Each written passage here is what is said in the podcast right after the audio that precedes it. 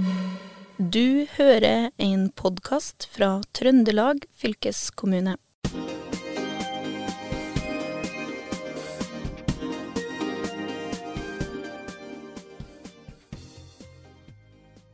Det tar tolv minutter å kjøre E6 mellom Røra og Vist. Den gylne omvei tar åtte minutter lenger. Eller en dag, ei uke, en hel sommer, eller kanskje til og med et helt liv. Kombinasjonen av råvarer og den trønderske gjestfriheten har gjort Trøndelag som første region i Norge til European Region of Gastronomy 2022. Inderøya med Den gylne omvei er en av flere lokalsamfunn hvor det produseres lokalmat av en slik kvalitet som nå har ført til at Trøndelag har fått denne gjeve internasjonale anerkjennelsen. Men hva er det med denne trønderske bygda Inderøya, med knapt 7000 innbyggere, som har gjort at folk fra nær og fjern har strømma til Den gylne omvei de siste 24 åra? I sommer så vil vi i Fylkespodden, i samarbeid med Europeisk matregion, utforske hva Den gylne omvei og Inderøya har å by på. Programlederne i dagens avsnitt er Håvard Seiner, Ida Valsø og meg, Kjersti Bjørnevik.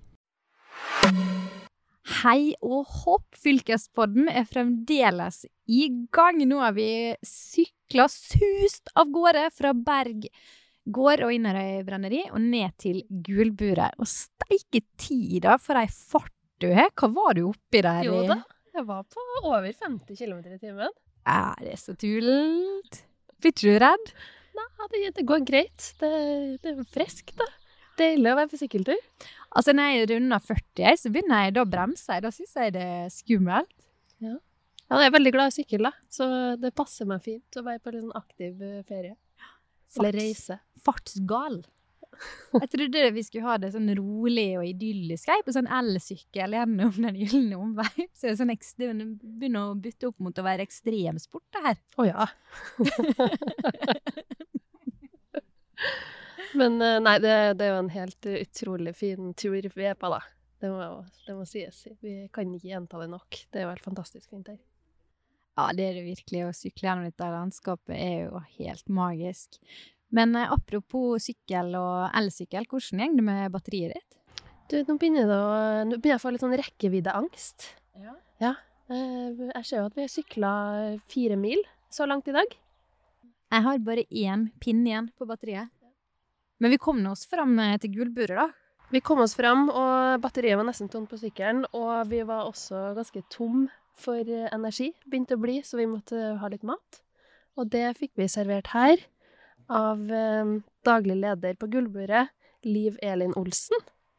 Hva var det du serverte oss for noe godt? Ja, nå har dere nettopp spist Gullburet sin lunsjtallerken med, med sommervri. Mm, som er lokale herligheter. Vi har jo så mye godt vi kan eh, velge i. Så det var artig at det smaka. Det var utrolig godt. Og nå sitter vi her med en kopp kaffe fra Inderøy kaffebrenneri. Også veldig godt. Og så sitter vi her med neste generasjon. Da det er sønnen til Liv Elin, Tore Østby, Østbø, eh, som skal ta over her fra nyttår. Ja. Spennende. Ja. ja. Vi gleder oss eh, veldig til det. Og nå når uh, du, Tore, skal ta over, så gjør jo dere det på den uh, gode, gammeldagse måten. For da, Liv Elin, da må dere som uh, blir kalt sjølingene over i kårboligen, forstår jeg? Mm -hmm. Stemmer det. Og det, hvordan, og det, det er sånn Hvordan funker det egentlig? Er det all right? Ja, vi, vi syns det er veldig greit, vi, ja. Det å ha en, en kårkall eller kårkjerring på bruket, det kan være veldig greit. En ser jo at de er aldri så nyttige. Og hva er, hva er, på en måte rolla til eh, kår, kårkallen og kårkjerringa? Det tror jeg er utrolig varierende. Altså, jeg er vel opptatt av det at det her eh, prosessen med overtakelse det er, jo, det er jo en del erfaringer som, eh, som, man ikke kan få overlevert skriftlig.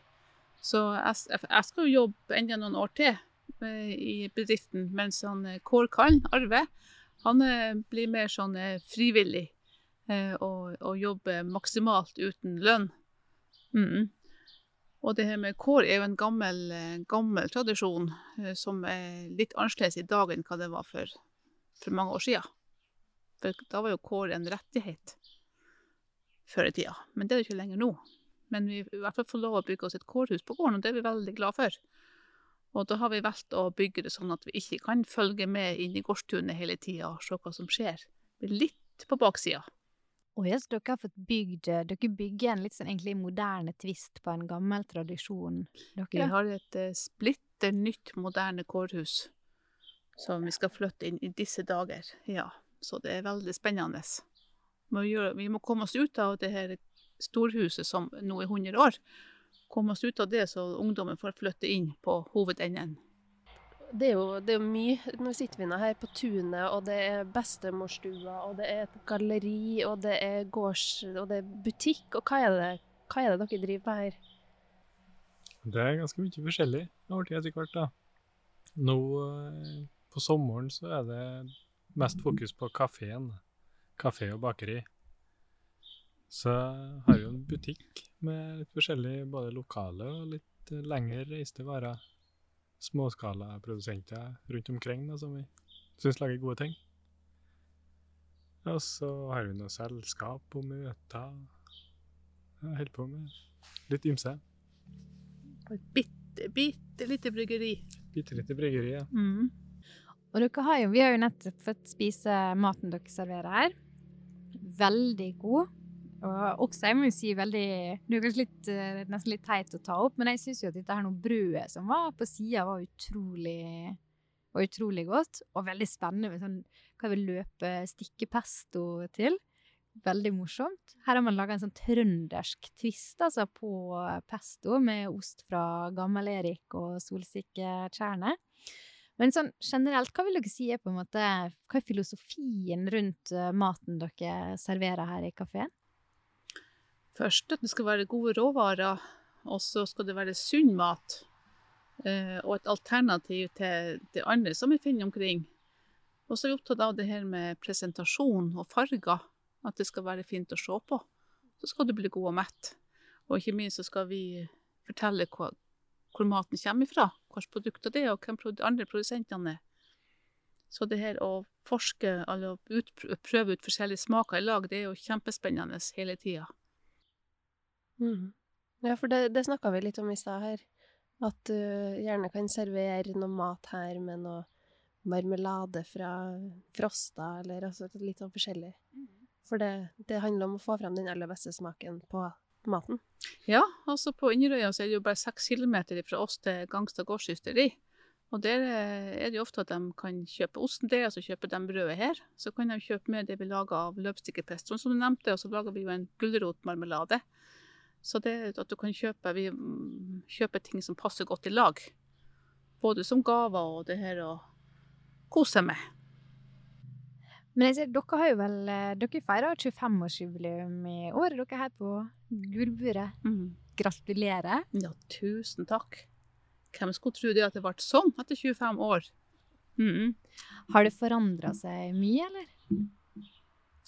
Det ble i hvert fall ikke det vi hadde tenkt. Eller det ble Når vi starta Gullburet, som starta i det gule buret på gården for 25 år siden, så visste vi jo ikke hvilken vei det her kom til å gå.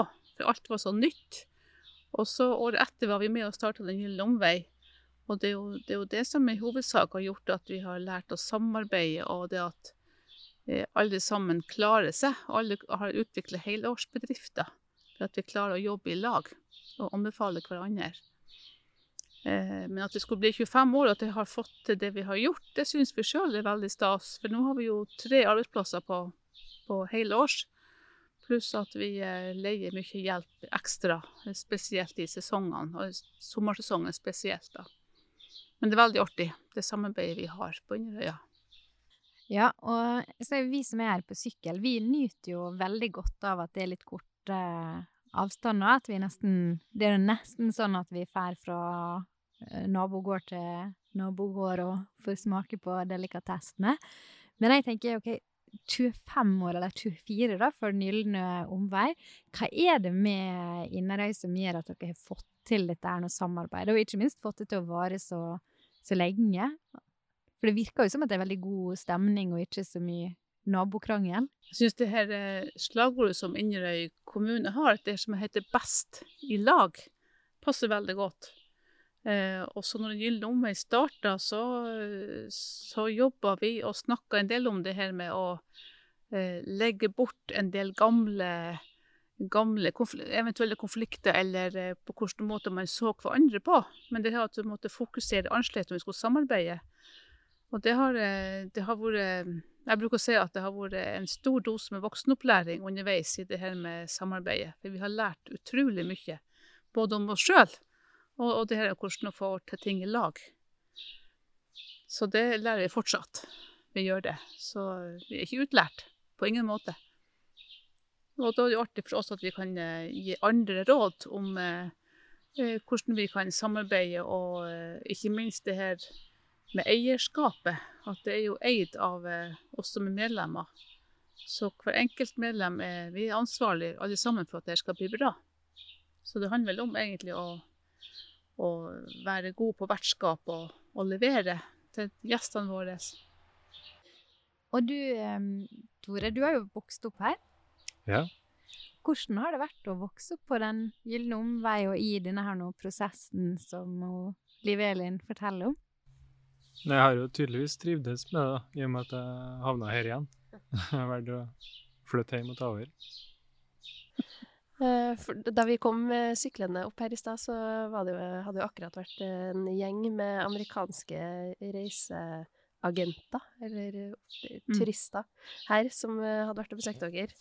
Eh, Hadde dere skjedd for dere det da dere starta her? Nei, det hadde vi ikke. Nei. Og det som er ekstra artig, det er at vi underveis så har vi blitt mye bevisst på egen historie, og, og det om plassen som vi er på sjøl. Så i dag så passer det jo veldig godt til å, å fortelle historie om, om eh, våningshuset på gården her, som, eh, som det finnes mange av denne typen hus. For det er jo egentlig en, en, har en amerikansk opprinnelse. Og da er det artig å fortelle dem som kom med, med direktefly fra New York til Værnes og skal utforske plasser i Trøndelag, eh, fortelle om historien til husene som er her, og den koblinga til utvandringa til Amerika, blant annet. Men disse her reiseagentene de er, kommer fra Amerika for å sjekke ut da, ja, men er Trøndelag og Den gylne omvei noe vi skal på en måte anbefale våre amerikanske turister å dra på? Absolutt. Det jo, vi har jo mye felles eh, eh, mange, mange ting felles. Eh, så det her var et samarbeid med, med Up Norway, Trøndelag Reiseliv og Visit Innherred på å få, få dem eh, til Værnes og så ta turer rundt om i Trøndelag. Så i dag så sykler de herifra eh, ned til Strømmen og opp til Øyna. Så skulle de vestover i morgen, på kysten. Så vi har mye å, å tilby. Så du hva de sykla på, eller om det var vanlig sykkel eller elsykkel? Det var mest elsykler. Det er komfortabelt, vet du. Er det mange som kommer innom her på sykkel? Ja, det er det absolutt. Eh, vi har jo mange som eh, sykler rundt den fjorden øst for oss, Børgen eller Borgenfjorden. Og det er jo, har jo i inn her da, en tur som man kan booke, eh, og med sykkelleie. Og så kan de eh, bestille lunsj her, og så kan de sykle videre. Seint i juli og tidlig i august så kommer det noen som er god og svett, og så flatt batteri. Så gjør da, det. da er det bare å dra fram skjøteledninga og stikkontakter. Mm. Ja, for man får ladde, lade seg opp her. forlad. Ja. Både sykkel og kropp. Både sykkel og kropp. og sjel og sinn. For her er jo, det er jo en nydelig hage dere har der, med blomster og katter og fuglekvitter. Det er jo virkelig en oase å komme til, faktisk. Og bare en to, egentlig bare en liten togtur unna Trondheim. Det er ganske magisk her i dag. Mm. Ja, helt, helt strålende.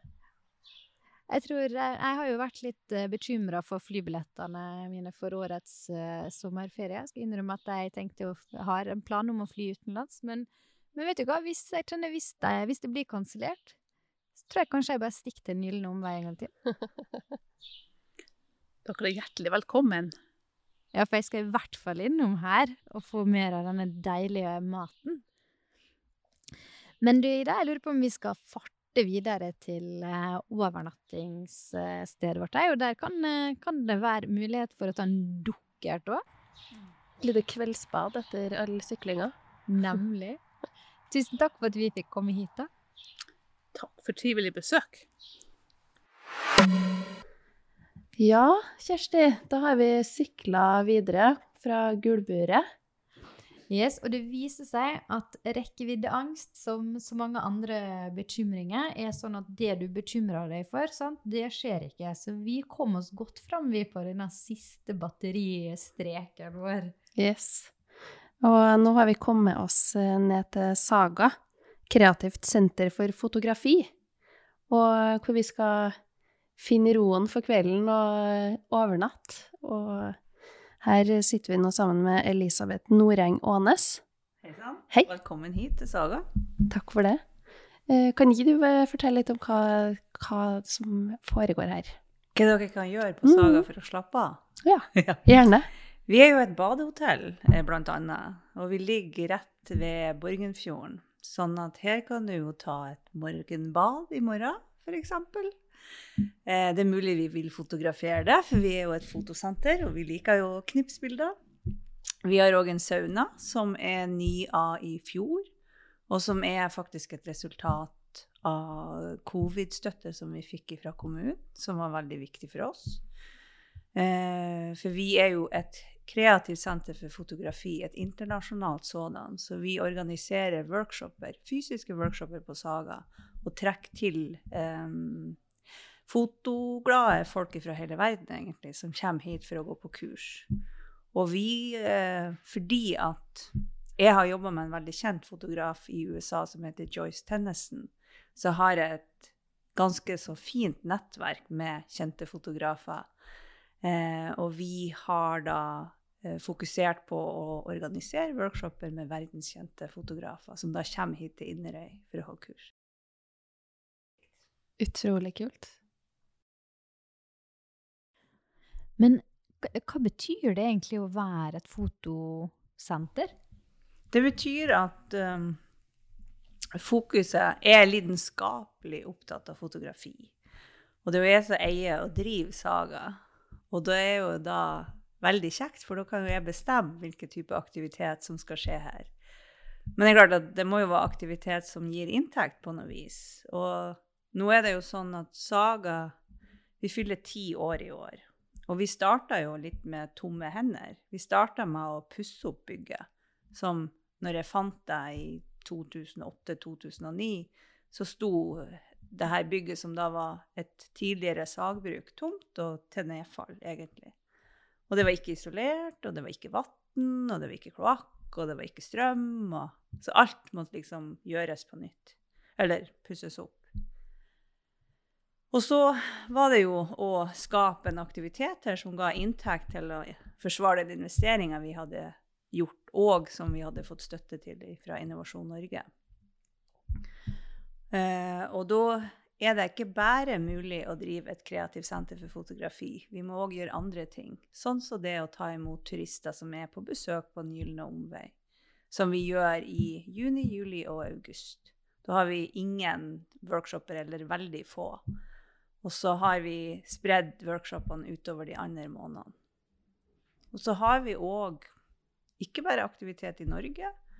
Vi har workshoper som skjer på Island, i USA, England. Eh, til neste år skal vi til Italia. Vi har gjort flere workshoper i Russland, som vi kanskje ikke kommer til å gjøre på nytt igjen på en stund. Um, så eh, vi er et internasjonalt senter, ja.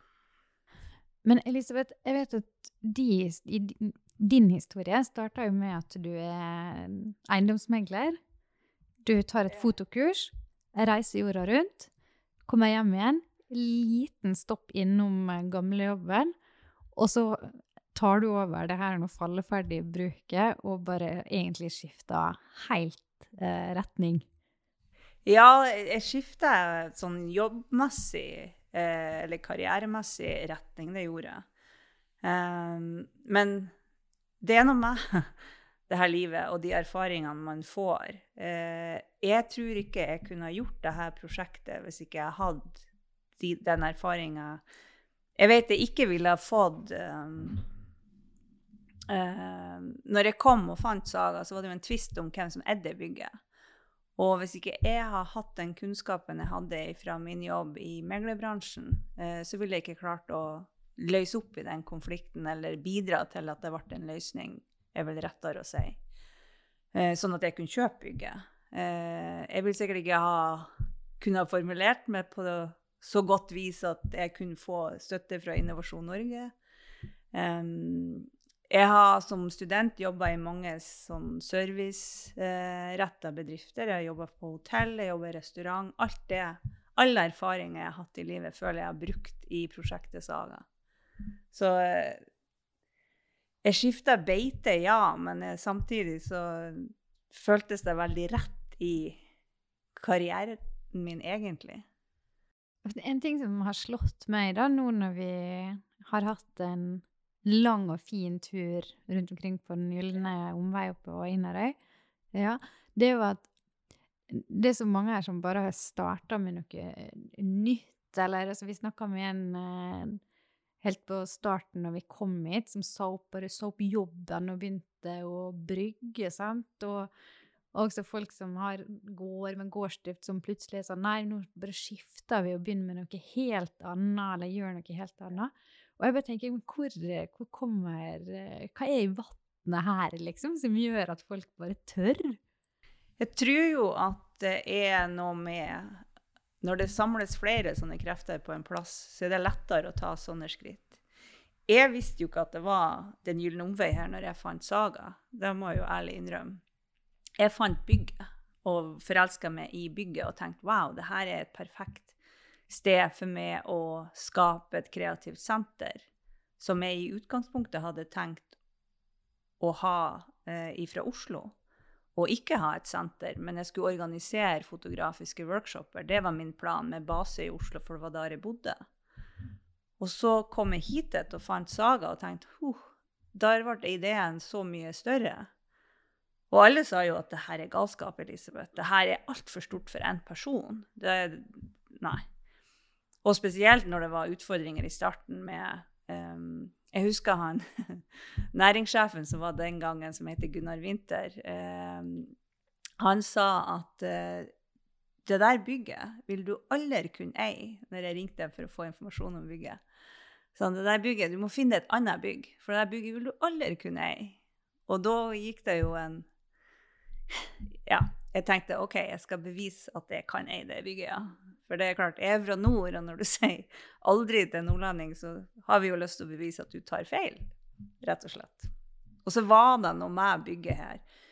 Um, det er en eller annen energi i det her bygget som er veldig sånn avslappende og fin. Um, folk kjenner det når de er her nå, når det er ferdig oppussa, men sånn var det når det var et råbygg. Så kjente jeg at det, å, det her er et godt bygg å være i. Og jeg vet ikke om det er fordi det er vann utenfor, at halve bygget står på påler, at det er noe med lyset og naturen og fuglelivet og dyrelivet og alt som er rundt, som skaper det. Men det, det var et eller annet med det her bygget som var sånn det føltes rett og slett ut som jeg forelska meg i bygget. Jeg kan jo lett forstå den forelskelsen. For når det å komme inn her og bli tatt imot av deg, og så kommer vi jo rett inn på ei sånn kjempekoselig fellesstue og ser rett ut på vannet, og så sier du 'Og her kan du ta deg en kveldsdukkert eller et morgenbad'. Det er vanskelig å ikke bli forelska da, kjenner jeg. Men så rett ved siden av her så står det jo en sånn igg Iglu-kraft-badstue. Er, er, det en, er det en spesiell type badstue? Det er en badstue som er kjøpt fra Estland. Så jeg så Vi starta eh, Når covid kom, så fikk vi jo utfordringer fordi at de workshopene våre som da var internasjonale, eh, kunne jo ikke gjennomføres. Eh, vi fikk ikke flydd inn instruktørene våre, så vi fikk heller ikke flydd inn publikum.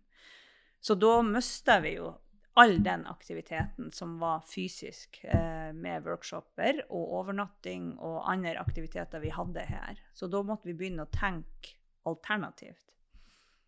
Og jeg eh, Jeg var veldig streng med meg sjøl i den fasen og tenkte du får ikke lov å tenke negativt. Du får kun tenke muligheter. For hvis jeg begynner å tenke negativt og blir redd og no, hva som kan skje i verste tilfelle, så vil jeg grave meg ned i et så svart høl at det ikke kommer opp igjen. Så jeg må kun tenke muligheter her. Og hva er det som skjer nå, når at Norge stenger ned og hele verden stenger ned? Online. Ikke sant? Online er tingen. Og jeg har aldri gjort noe online før, så jeg var sånn OK, jeg får bare hive meg uti det. Og det var det som både redda Saga og Nord Photography, at vi fikk veldig stor respons på de online-tingene vi la ut. Alt som er produserte og la ut av online-kurs det første ett og et halvt året, solgtes i løpet av bare noen dager. Så det var bare å produsere ting, og så ble kursene fylt opp. Så det var helt absurd, egentlig. Så det har vært eh, det som har redda begge firmaene, egentlig. Og, og hvordan kommer du fra, fra online-kurs til badstue? Ja, ikke sant? det ble et lite hopp der. Um, nei, så når det skjedde, og vi mista all fysisk aktivitet, så begynner jo å se på hva er det som er unikt med Saga? Hvordan kan jeg få inn um, et norsk publikum som kan vare hele året, ikke bare i sommersesongen? For vi var jo vant til å da ha workshoper utover sommersesongen. Eh, og hvilken type aktivitet kan Saga ha som tiltrekker seg et nytt publikum? Og da blir du jo sittende og se på bygget og tenke OK, hva er det som er unikt her? Jo, du ligger til vann. Du er jo helt selvklart et badehotell. Og så gikk vi og tenkte OK, men vi er jo ikke det eneste badehotellet på Inderøy. Jektvann fjordhotell ligger jo til vann. Og Strømnes, eh, oldefars gjestehus, som er rett borti høyre her, ligger òg nært vann. Så vi samla oss, og så starta vi noe som heter Badehotellene på Inderøy. Der vi har litt sånn felles promotering og sånn med de aktivitetene. Og det er et prosjekt som vi ønsker å utvikle. Og i den fasen så hadde jeg òg samtale med den nye næringssjefen på kommunen som heter Trygve Vannebo. Og eh, han som er leder i Inderøy Utvikling. Og de var veldig på'n for å drøfte ideer og alternative ting etter covid, hvordan man kunne løse ting.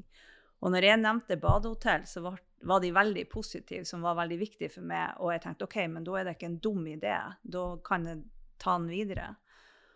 Og i det så skjer det at vi da tenker sauna. Første året så la jeg ut ei badebrygge her som ble veldig populært. Og andre året så var det sauna som sto på planen. Og da fikk jeg tilskudd fra kommunen som eh, gjorde at man kunne investere i en sauna. Og hvordan er det med saunaen nå? Går det an å være spontan på den, eller må man bestille på forhånd? Eh, vi har fast drop-in nå i juni og juli. Eh, fredag, to, to runder på fredag og to runder på søndag. Og da er det maks åtte personer som kan være i saunaen. Uh, og da går du på eh, sagainderøy.com på sauna, og så booker du plassen din, rett og slett. Og da kan du jo møte andre folk som òg er glad i å bade og glad i varme i saunaen. Eller du kan booke utenom de tidene privat, og da er det jo selvfølgelig en litt annen pris. Og da kan du òg ha, som mange har benytta seg av, um, etter saunaen så kommer du inn, og så har du litt cocktails og litt spekemat og litt ostefat som en sånn fin avrunding. Så vi har hatt eh, Det tilbudet gjør jo at vi har hatt flere bursdager og litt sånn overraskelsestur for vennegjengen, sånn blåtur, og, og det er veldig artig. Så, og de fleste som er her, sjøl om de kommer og sier at nei, vi skal ikke bade, det er så kaldt, de ender opp med å bade i Borgundfjorden, ja. Det er rart, men du kan fort gjøre det. Jeg tenker Ida, det er morsomt at Elisabeth kommer inn på dette her med selskap og sånn, for på hele turen hit uh, har jeg jo sagt at jeg, neste gang jeg er i nærheten av noen som skal planlegge utdrikningslag, mm. så tenker jeg jo virkelig at det er jo perfekt å dra hit på den uh, gylne omvei. Når, uh, når du fortalte om dette her nå um, badehoteller Elisabeth, så ble jeg nesten litt rørt, det må jeg si. Fordi jeg trodde at du skulle si sånn at nei, no, da måtte jo jeg gjøre noe for å på en måte utkonkurrere de andre, men det var jo ikke det i det hele tatt. Og det er sånn Det er så typisk eh, Inderøy. Og bare sånn, og da, så da gikk vi sammen og samarbeida og fikk til noe skikkelig bra. Både flere næringsaktører som kunne ha vært konkurrenter, og kommunen. Det jo, jeg syns det er utrolig vakkert. Jeg tror det bunner i at man har det her slagordet her 'best i lag', og at det ikke bare er i ordene. Men det, og det er fornuft i det, selvfølgelig. At vi står sterkere når vi er flere sammen. Og ja, vi er konkurrenter. Eh, og det skal man jo ha. Det er jo sunt å ha konkurrenter. Du skjerpes jo av det. Eh, og du stadig må videreutvikle produktene dine. Eh, og så har du jo òg når du lager nye produkter, så ser du jo hva er det som mangler her i tilbudet. Ikke i mitt tilbud, men i tilbudet på Inderøy. Hvor er det det er høl, sånn at du ikke kopierer noen andre og går de i næringa, men at du finner Og det er jo viktig for å overleve, at du finner hva er det som er unikt med din plass, som gjør at eh, folk har lyst til å komme til din plass. Og nå, etter en lang dag på sykkelsete og i sola, så jeg begynner å bli jo liksom sentimental. Og jeg kjenner jo at når vi Når jeg var sånn her, vi drar og sykler en gyllen omvei, det høres kjempekult ut, og det er masse deilig lokal mat, og det er liksom kule plasser, så tenkte jeg jo at det var det som var kvalitetene. Men i løpet av dagen i dag så kjenner jeg jo bare at Eller så har jeg oppdaga at det som virkelig er en kvalitet her, det er jo at det er så god stemning. Jeg tenker det er jo her, her er, her er det altså trivelige Trøndelag på anabole steroider. Det er så god stemning. Og den gode stemninga i det, den tar vi med oss ut, og så hiver vi oss i et kveldsbad før vi tar kvelden, eller? Hvor er de beste badeplassene på Inderøya? Den beste badeplassen som er nærmest Saga, er jo Sundsand. Og det er jo mange med meg som mener at det er den aller beste stranda i Nord-Trøndelag. Så um, den er fem minutter å gå til. Kan sykle til eller gå. Og den er Der er det langgrunt. Det er skikkelig deilig sandbunn. Det er kjempefriskt og deilig vann. Og så er det der du ser solnedgangen. Så da kan du svømme inn i solnedgangen om du vil. Oi, oi, oi. Det er noe for fylkesbåten. Kom igjen, Ida, nå stikker vi. Ja. Takk, Elisabeth. Takk skal dere ha. Du har eh, hørt en podkast fra Trøndelag fylkeskommune. Hør flere episoder på Spotify eller trondelagfylket.no. Dokumentasjon på trøndersk kveldsbad i solnedgang finner du på Trøndelag fylkeskommune sin Instagram.